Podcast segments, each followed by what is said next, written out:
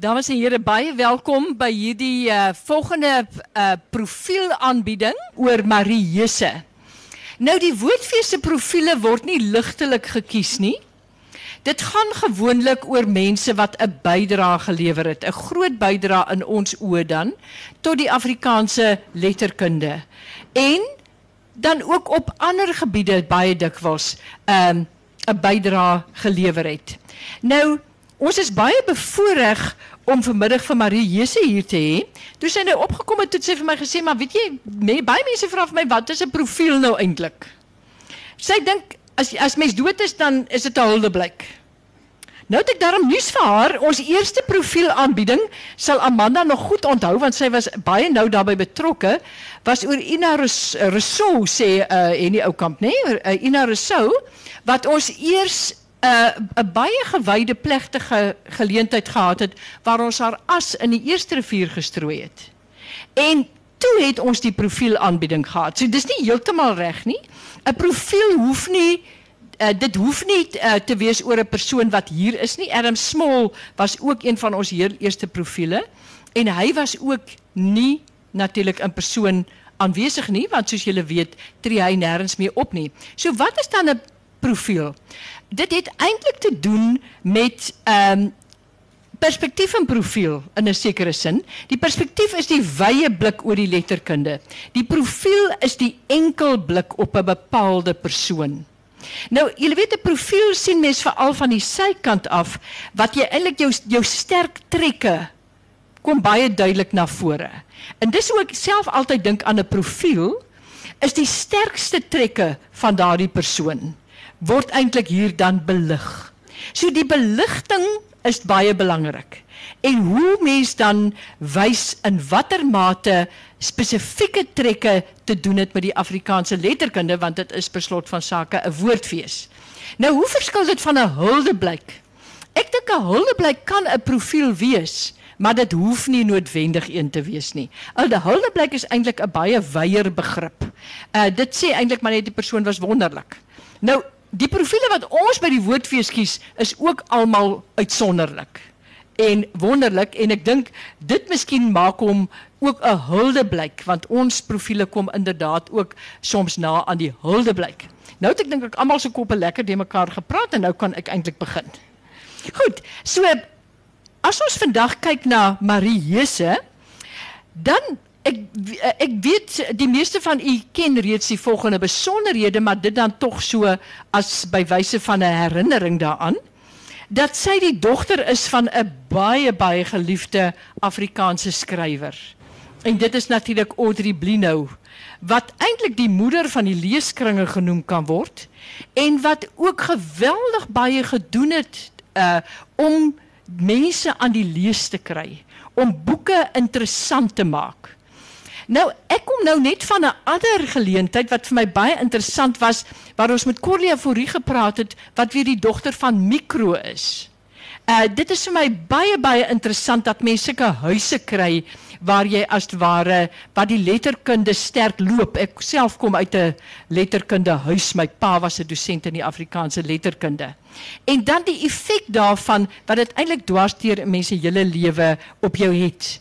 Nou is dit so dat Marie Jesse as skrywer baie groot bekendheid verwerk het, eh, verwerf het met veral met die uurwerk Kantel wat dat in 1976 verskyn het wat veelvuldig uh voorgeskryf is wat weer hier volgens as ek uh die uh ek het 'n bietjie gekyk na haar onderhoud 'n baie goeie onderhoud met Hanlie hier in rapport Hanlie Retief wat dan ook sê dat uh lesers het dit aangedui as een van die gewildste boeke, as een van die voorste boeke.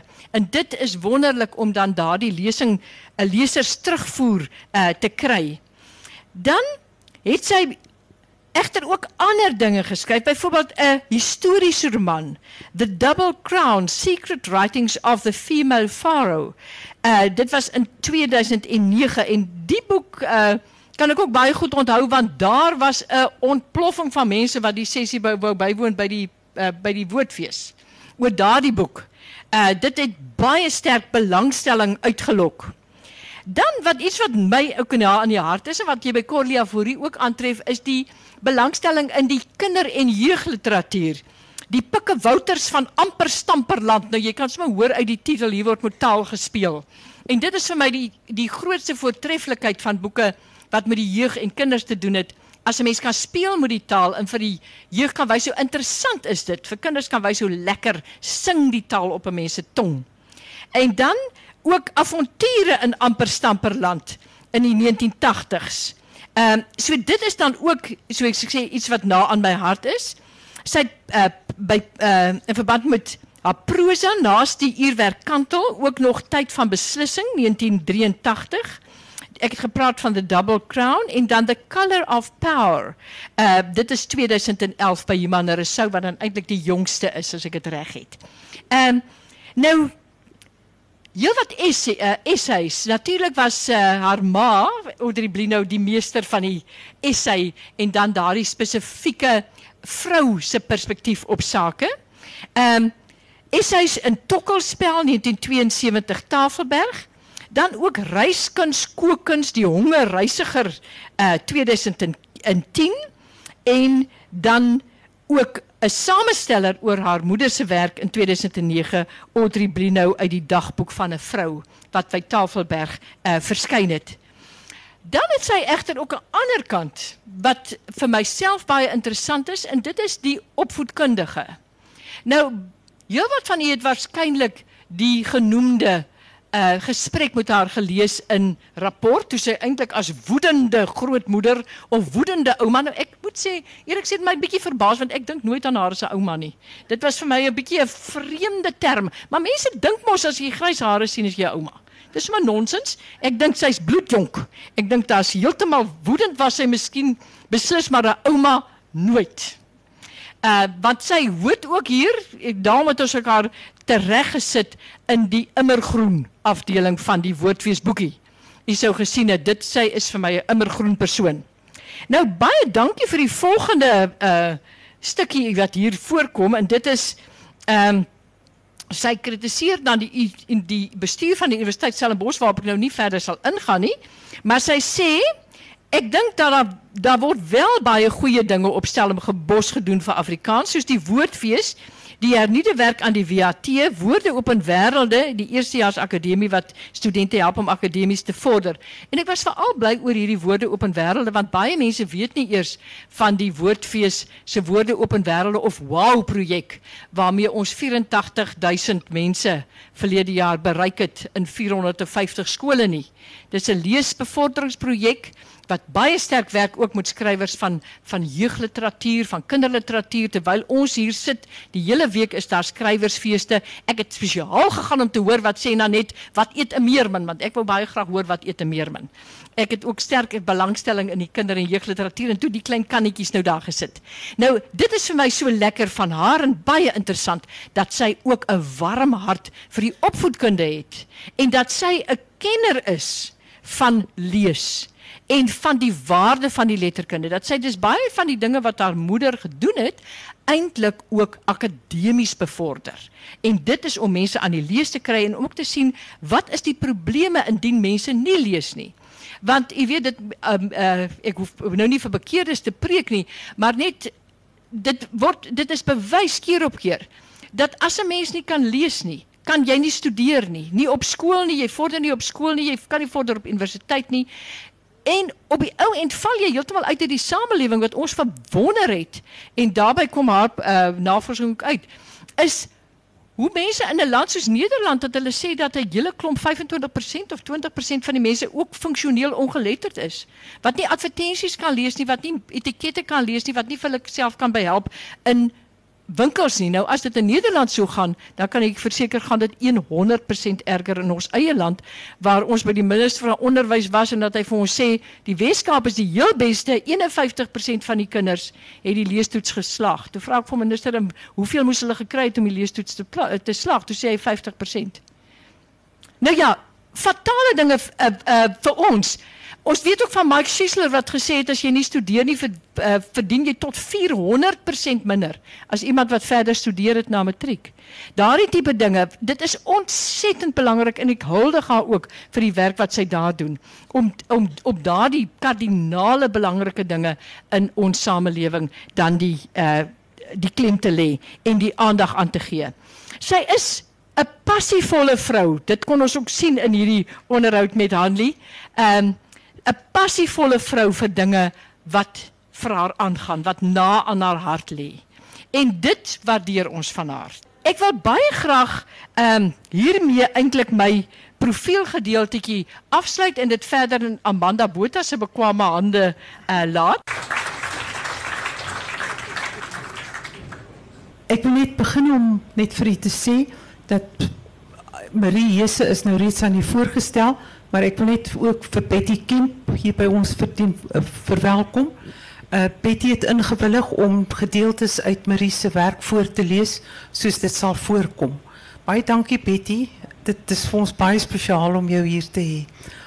U is bewust daarvan dat Betty in die volgende twee dagen twee opvoerings aanbiedt van haar solo stuk, Tant Miem van Swellendam.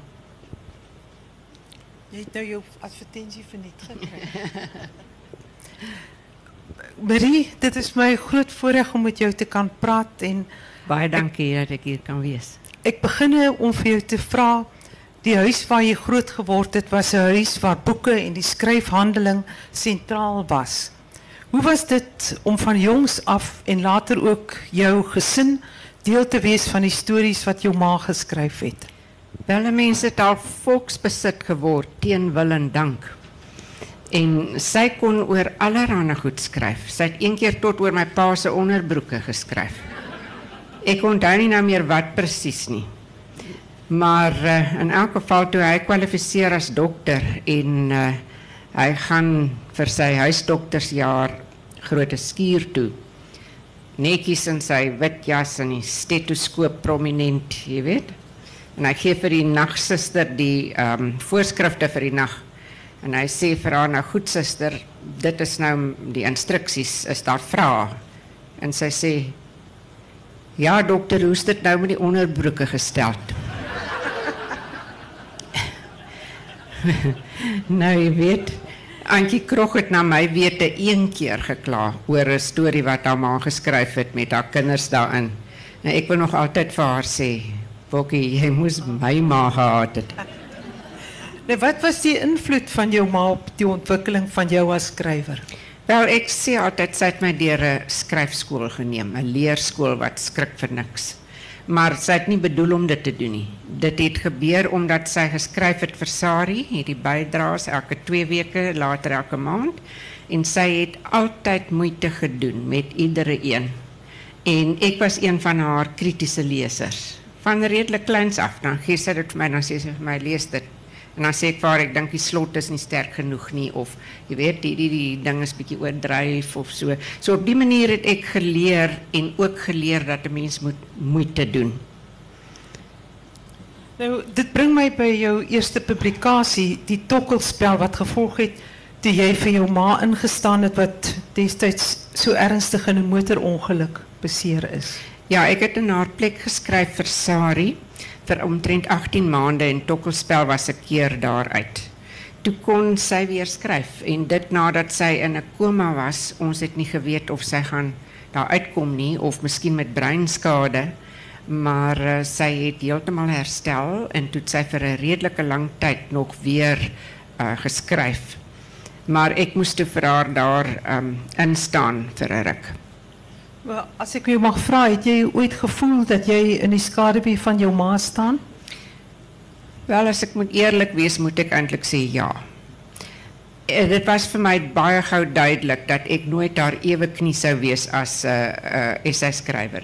Ik moest ander genres zoeken. So misschien was dit een van die redenen hoekom ik um, in Engels gespecialiseerd. Misschien zelfs hoekom ik later in Engels ook geschreven heb. Um, dit kan wees. Maar je weet, ik word nou nog voorgesteld als Audrey Blino se dochter. En nou die dag, Toe bel my seun my, hy sê: "Ma, ma moet kyk in die huisgenoot by die blokkies raai. Daar's 'n leidraad." Marie is se ma. Ek sê, wat sê jy vir my dat dit my 70 jaar gevat but I made it fame at last. Maar uiteindelik uh, stel jy 'n bundel saam met jou ma se essayskat uh as 'n soort van autobiografiese aanbod. Hmm. En 'n mens sou sê dat die teks daarvan getuig van 'n geskryfde lewe. 'n Ja. kenmerk van jou ma se werk. Ja, ja, dit was dis waar. En sy het voortdurend ge gereflekteer oor haar lewe en oor haar ervaring.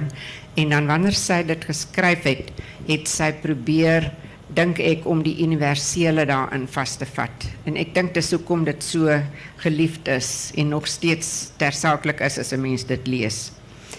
En ek het toe 'n aanhaling uit die werk van Montaigne, die Franse essayist, gekies om in haar um hierdie versamelwerk voorin te sit as motto. Ek wil dit graag voorlees. Om te leer hoe om te leef. Dit is die hoogste wysheid. Nie om te leer hoe om te sterf nie. Ons grootste en glorierykste prestasie is om paslik te leef. Wel, dit is baie gepas want dit was 'n baie belangrike invloed in haar lewe gewees, ja. Hm, Montaigne, ja. Ja. Tussen die tokkelspel en jou romandebuut, die uurwerk kantel, het 7 jaar verloop. 'n Tyd waarin jy in die akademie was, jy die handboek De El Kritiek geskryf het, drie kinders grootgemaak het en waarin jy ook die kinderboek Wouters geskep het. Vertel meer oor jou betrokkenheid by kinderlektuur. Wel, toe my kinders klein was, het ek altyd vir hulle voorgeles saans en toe was ek so half in die omgewing van die kinderliteratuur. En uh, toe het ek die idee gekry van die Pikke Wouters. Ek het eers um, dit geskryf as 'n boek, toe het ek dit omskep in 'n TV-program. Dit was suksesvol. Toe skryf ek uh, avonture in amper Stamperland as 'n opvolg, maar ek het dit eers vir die TV geskryf en toe word dit 'n boek. Um, en toe 'n jeugroman en um, later ons geheim wat uh, net so 'n kinderstorieetjie is. In Engels, Afrikaans en Khoza gepubliseer, maar ek kon nie die Khoza doen ongelukkig nie. En uh, ek het ook etlike kinderboeke vertaal, onder andere boeke van Dr. Zeus. En uh, Lydia Pinaar het my gesê sy weet nie hoe 'n mens daai Dr. Zeus vertaal in Afrikaans nie. Toe sê ek nee, mens moet maar herskep. En uh, een daarvan was Horton Hatches the Egg. Dit is toe 'n olifant wat broei op 'n eier. In 'n boom. En uh, toe word dit natuurlik Harry want wat anders kan 'n olifant wees in Afrikaans. So Harry broei die eier uit. Ja, Betty, wat destijds deel was van die Pikke Wouters se TV-aanbieding, dis lank gelede, né Betty, of wat? Ja. Baie lank gelede. Ja, sal jy nou asseblief die Engelse teks uh, en ook dan Marie se vertaling voorlees van Dr. Seuss? Marie, as jy jou ore sal toedruk want is baie intimiderend om die skrywe langs jou te hê. Horton hatches the egg.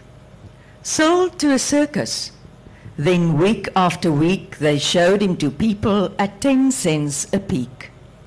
They took him to Boston, to Kalamazoo, Chicago, Weehawken, and Washington too. To Dayton, Ohio, St. Paul, Minnesota. To Wichita, Kansas, to Drake, North Dakota. And everywhere thousands of folks flock to see and laugh at the elephant up in the tree. Poor Horton grew sadder the farther he went, but he said, as he sat in the hot, noisy tent, I meant what I said, and I said what I meant. An elephant's faithful 100%. Die Afrikaans hierdie broei die eier uit. Verkoop aan 'n sirkus en toe dag na dag mag die mense kom loer teen so 10 sent 'n slag. Hulle neem hom na Durban, na Maatjiesfontein, Pofadder, Vaaldriehoek, Amalienstein. na Middelburg, Kaap, Amersfoort en Pangeni, na Rockoptel, Appington, eSikawini. En oral kom duisende mense wat wag om die olifant bo in die boom uit te lag.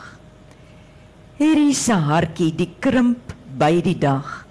Maar hy hou deur al die lawaai steeds die wag. Julle kan my maar glo. My geduld het geen end. Getrou is 'n olifant 100%.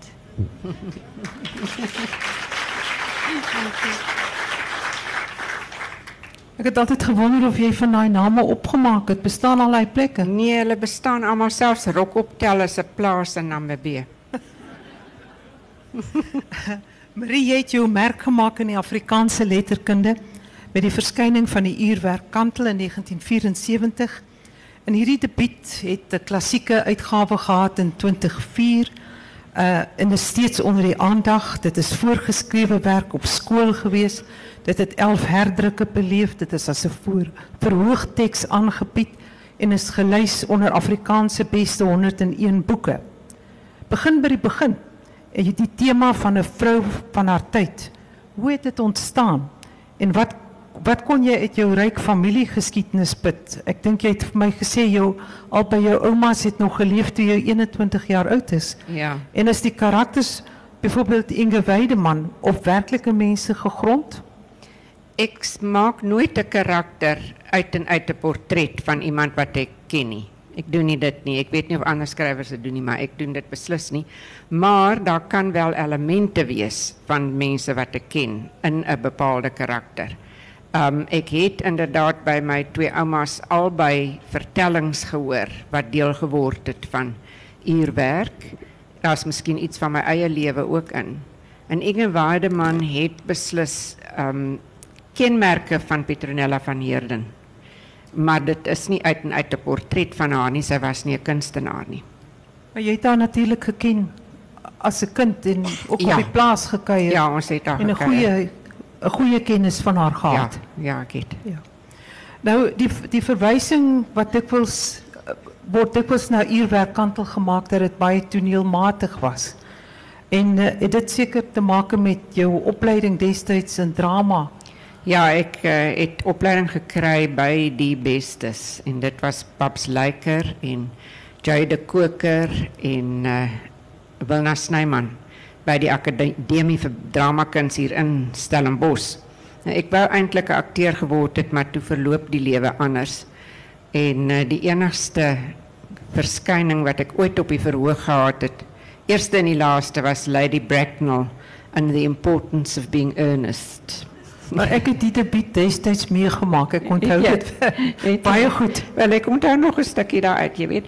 The chin a little higher, dear. Style largely depends on the way the chin is worn. They are worn very high, just at present.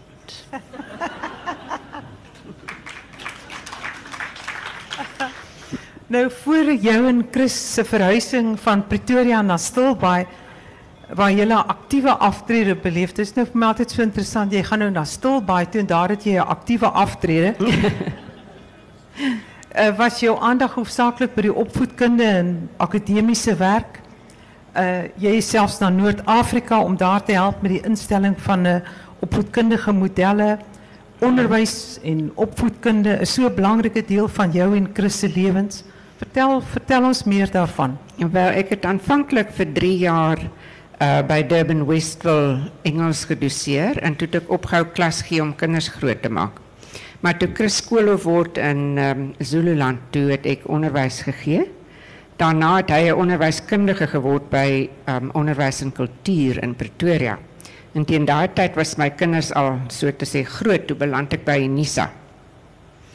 Nou ja, as dosent in Engels, Ja, ja, en maar jy het ook verder studeer nie waar nie? Ja, ek en Chris albei. Hy sy doktorsgraad is in onderwysstelselbestuur. En myne is tegnies in Engels, maar eintlik was dit navorsing wat ek gedoen het oor hoe om studente prestasie te verbeter. En dit het veral gefokus op lees. En um ek het ook 'n postdoktorale beurs gehad om na Amerika toe te gaan en te kyk wat doen hulle daar. En dis van daar wat ek hierdie vaste oortuiging oorgehou het dat moedertaalonderrig absoluut van kardinale belang is. En ek moet sê 'n mens kan 'n mens moet jou moeilike begrippe in jou sterkste taal bemeester. Daarna kan jy verrykend tweetalig word. Maar jy moet onderwys kry in jou moedertaal en dis iets wat ek dink Stellenbosch Universiteit nalat om te doen. Jammer.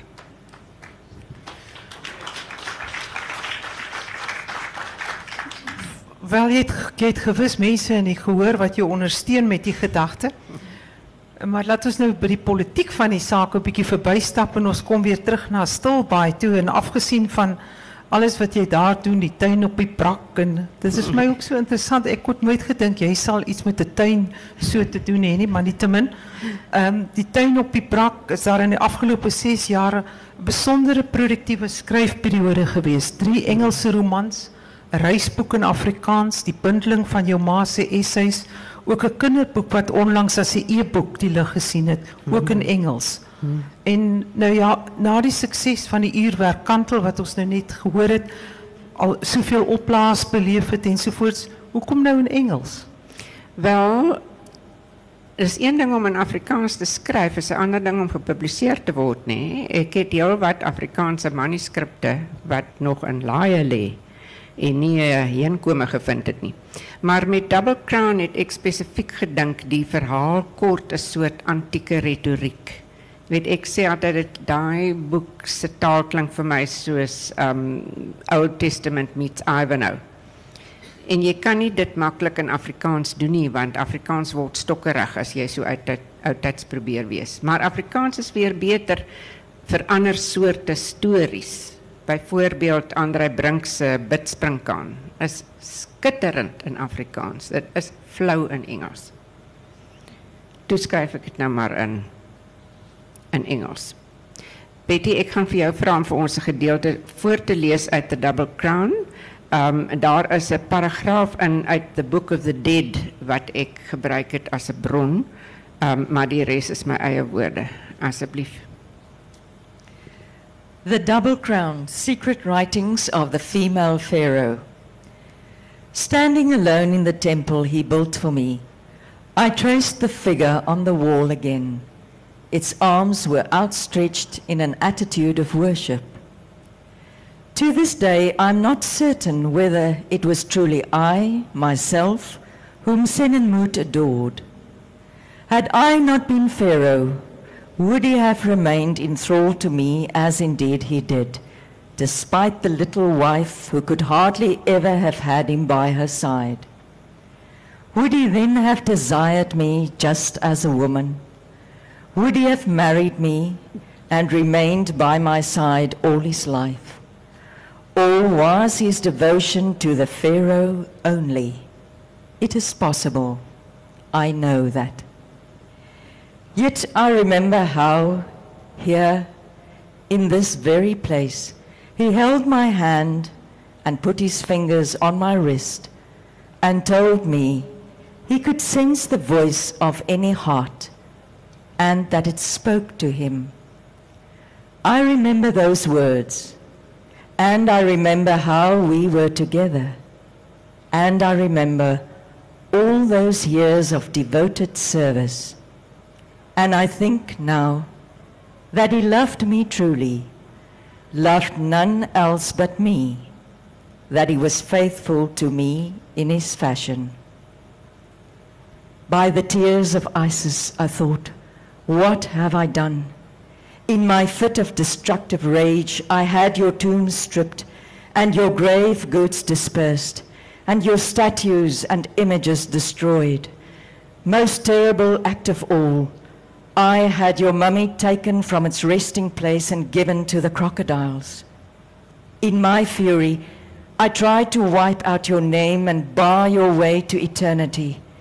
Have I condemned your car to wander forever homeless, forever seeking sustenance and finding none? Have I banished you to barren darkness, or worse, to a never ending battle through the dead duat? sin and mood. What have I done to you? Yet, here you are still. Your images are here. Your name is engraved on these walls. Statues of you still exist intact. While there are such representations of your bodily form, you are not lost. You cannot be lost. You cannot be destroyed. My heart prays for you. May Horus open your mouth. May all the shining beings see you. May they hear your name. O you judges of the afterlife, take the man Senenmut unto yourselves. Let him eat what you eat. Let him drink what you drink. Let him live upon that which you live upon. Let your boat be his boat. And let him net birds in the fields of the blessed. Let him have running streams. Baie dankie Betty. Het jy die sukses van Double Crown voorsien? Nee, ek het net gedink asseblief tog liewe Heer moet net nie laat dit moet verpulp word nie. Nou met The Color of Power gaan jy voort om met die genre van die historiese roman. Mhm. En een van die dinge wat vir my baie lekker is is om te dink dat jy die biblioteek, die plaaslike biblioteek gebruik as 'n soort kweekhuis huis van idees soos jy dit aan my gestel het en dat jou belangstelling in Theodora is ook so in Hatshepsut eintlik sterk vrouens is, maar waar kom dit vandaan? Dit is vir my boeiend hoe jy die gaping vul tussen dit wat bekend is en ja, dit wat jy romanmatig aanpak. Ja, wel Theodora kom uit 'n artikel in 'n ou National Geographic wat ek daar in die biblioteek gekry het. Ek sien dit toe raak en ek dink toe dis 'n wonderlike storie van die vrou wat begin het as 'n prostituut en toe word sy keiserin van Byzantium. Nou niemand het geweet as nou as 'n voorbeeld nê van wat ek invul. Niemand het geweet, niemand weet hoe sy dit reg gekry het um, om Justinianus te ontmoet nie. Um sy is nou 500 jaar na Christus wat ek van praat nê en sy was um in Konstantinopel, is daar gebore. Maar sy saam met 'n man Ekebelus weg um, na Noord-Afrika toe. Hy het daar uitgegooi en is daar sonder heenkome en sy het dit reg gekry om terug te kom tot in Alexandrië toe Antiochië en toe weer Konstantinopel. Niemand weet hoe nie. So ek het voorgestel dat 'n priester haar geneem het na die nonne toe en uh, dat uh, hulle toe vir haar um, goed was. En daar kry sy die idee om by 'n reisende teatergroep aan te sluit. Betty, kan jy vir ons daai toneel lees asseblief? Once again, Theodora made up her mind to restore her physical strength, her pliability, and her acrobatic skills. She needed a place to practice unseen. The cell where she and Juliana slept was tiny, as were all the rest. She thought of the refectory where meals were served. It was a long room with two narrow tables, and the space between them would serve. She would practice there. She didn't have an acrobat's usual stage costume, which consisted of a cinch belt studded with fake gems and a very brief silk kilt, nothing more. So she borrowed a needle and thread from Sister Margaret and stitched together a girdle and kilt from the remnants of silk retrieved from the bottom of a satchel, all that was left of the expensive tunics she had worn on the night Hecebelus had beaten her. It would do. Clad in this outfit, under a cloak, she began slipping into the refectory after everything had been cleared up but for the lingering ghost of vegetable soup. Theodora would drop the cloak and limber up at the kitchen end. Then she would begin an acrobatic routine. At first, her balance was not too good, and she had to keep it simple. But gradually her strength and suppleness returned, and so too her confidence. One night she began at the far end and launched into a tumbling run toward the kitchen door.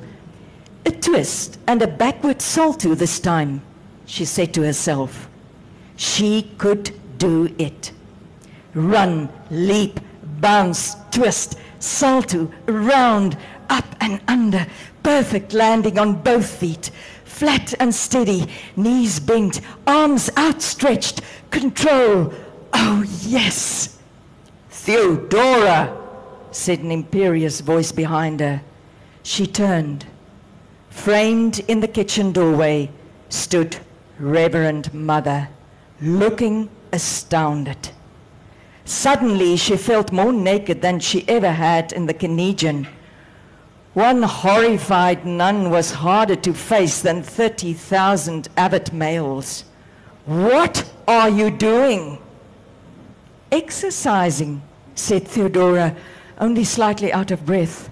My dear child, but this, this, you, you are clearly practicing t- to be an entertainer, no doubt. Back to the stage?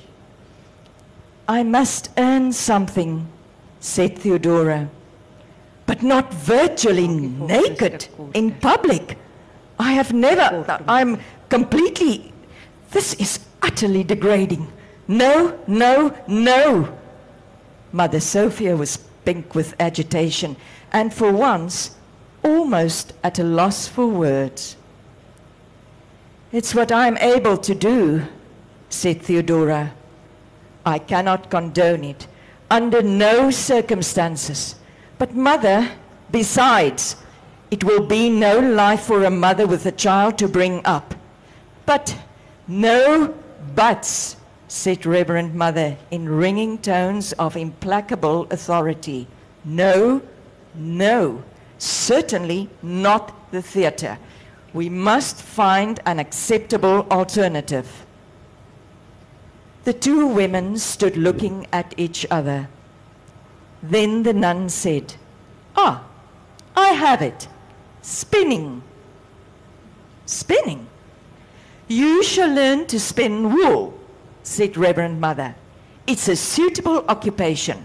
It will earn you enough to live on, and you shall be respectable. Very well, Mother.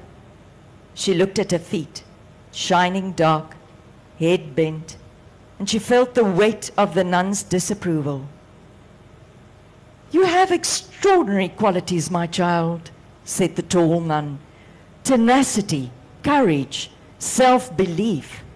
It must take all of these to learn to do such stunts. But you must channel these qualities in a better direction toward a better life.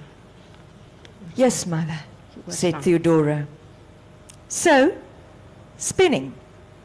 Also, you shall become a catechumen. Mother, you will study the catechism in preparation for Christian confirmation. The grey eyes narrowed. You were baptized, I hope. Of course I was baptized, said Theodora indignantly. My father, my late father, was a Syrian priest. Arched eyebrows. I had heard he was a bear keeper, Father Rufus. But that was before, said Theodora, before we went to Constantinople. Reverend Mother nodded thoughtfully. Father Rufus has high praise for your intellect, she said. You like learning? Oh, yes, Mother. Very well then. Spinning lessons begin tomorrow. Report to Sister Agnes after breakfast. I'll take you to the catechetical school myself on Monday. Yes, Mother, said Theodora. Hier het 'n voorbeeld van Marie se verbeelding en hoe sy met historiese gegewe werk om dan ons verbeeldings verder te rek as lesers.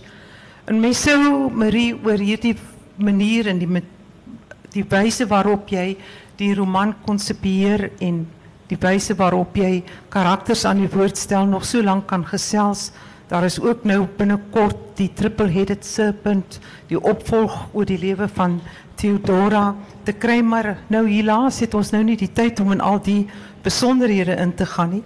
Maar ek het tog kan ek dit nou nie net afsluit sonder om vir jou te sê dat dit my tog tref dat al jou romans gaan oor mense en hulle verhoudinge en dit is altyd sterk vroue wat jy uitbeeld. Almal het 'n soort van 'n bepaalde geroepenheid asof jy hulle hier plaas om iets te doen. Is dit so?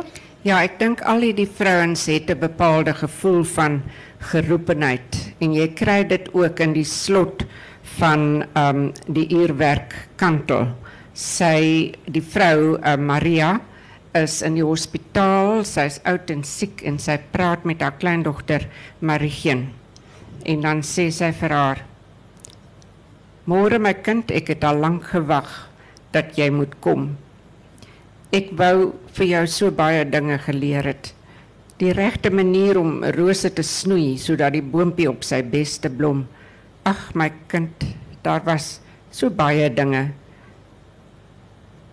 Maar ek het nooit baie geniet om hierdie naaldwerk te doen wat 'n kind moes doen nie. Nee, ek het altyd liewer perd gery. Kan jy perd ry my kind? Onthou net 'n dame moet side saddle sit. Ek wou jou nog vertel het wat om te maak as 'n baba huk en raad vir masels en koors. Ek wou jou nog gewaarsku het teen te veel son en soveel ander dinge. Maar ek kan nie nou alles onthou nie. Ek wou jou vertel het hoe dit is. Maar ek kan nie meer nie. Miskien kon ek dit alles vir jou vertel het as ek jou geken het toe ek nog Maria was. Maar nou is ek nie meer Mariani. Ek is 'n ou ou wingerdstok. Soms dink ek meer as 'n 100 jaar oud en ek dra die letsels van al my winters aan my bas. Maar toe dit oestyd was, toe kon ek vrugte gee. Dames en heren, dit is een groot voorrecht om hierdie gesprek te kon hê met Marie Jesse. Soos jy gehoor het, was sy het sy spore getrap met haar uurwerkkantel en daarna het sy uh met die Engelse romans wat sy geskryf het internasionale aandag op Double Crown gevestig en daar is geen rede hoekom die werk van rondom Theodora nie ook dieselfde aandag sal hê. Dit, dankie Marie dat jy hier was en dat ons op hierdie manier vir jou kan onthou en aan jou kan dink as iemand wat 'n bydrae maak wat werklik 'n verskil aan ons lewens maak. Baie dankie Amanda. Baie dankie Betty. Dankie almal. Ja, Betty, dankie dat jy hier is, maar ek het nagelaat in die begin want ek moet sê dat uh, Dorothea het het so lank aanhaal gehad dat ek nou bang was dat ek nog ekstra ek het nagelaat om te sê dat dit besonder aangenaam vir my is nie net om vir uh Marie man Dr. Chris hier te verwelkom nie, maar ook haar dogter Adrey en haar seun Fritz wat spesiaal van Pretoria gekom het om met ons te wees. Baie dankie dat julle hier is. Ek weet dit was 'n groot opoffering om dit te kan bybring, maar opreg dankie vir julle teenwoordigheid. Dankie dat u 'n baie aangename gehoor vir ons was.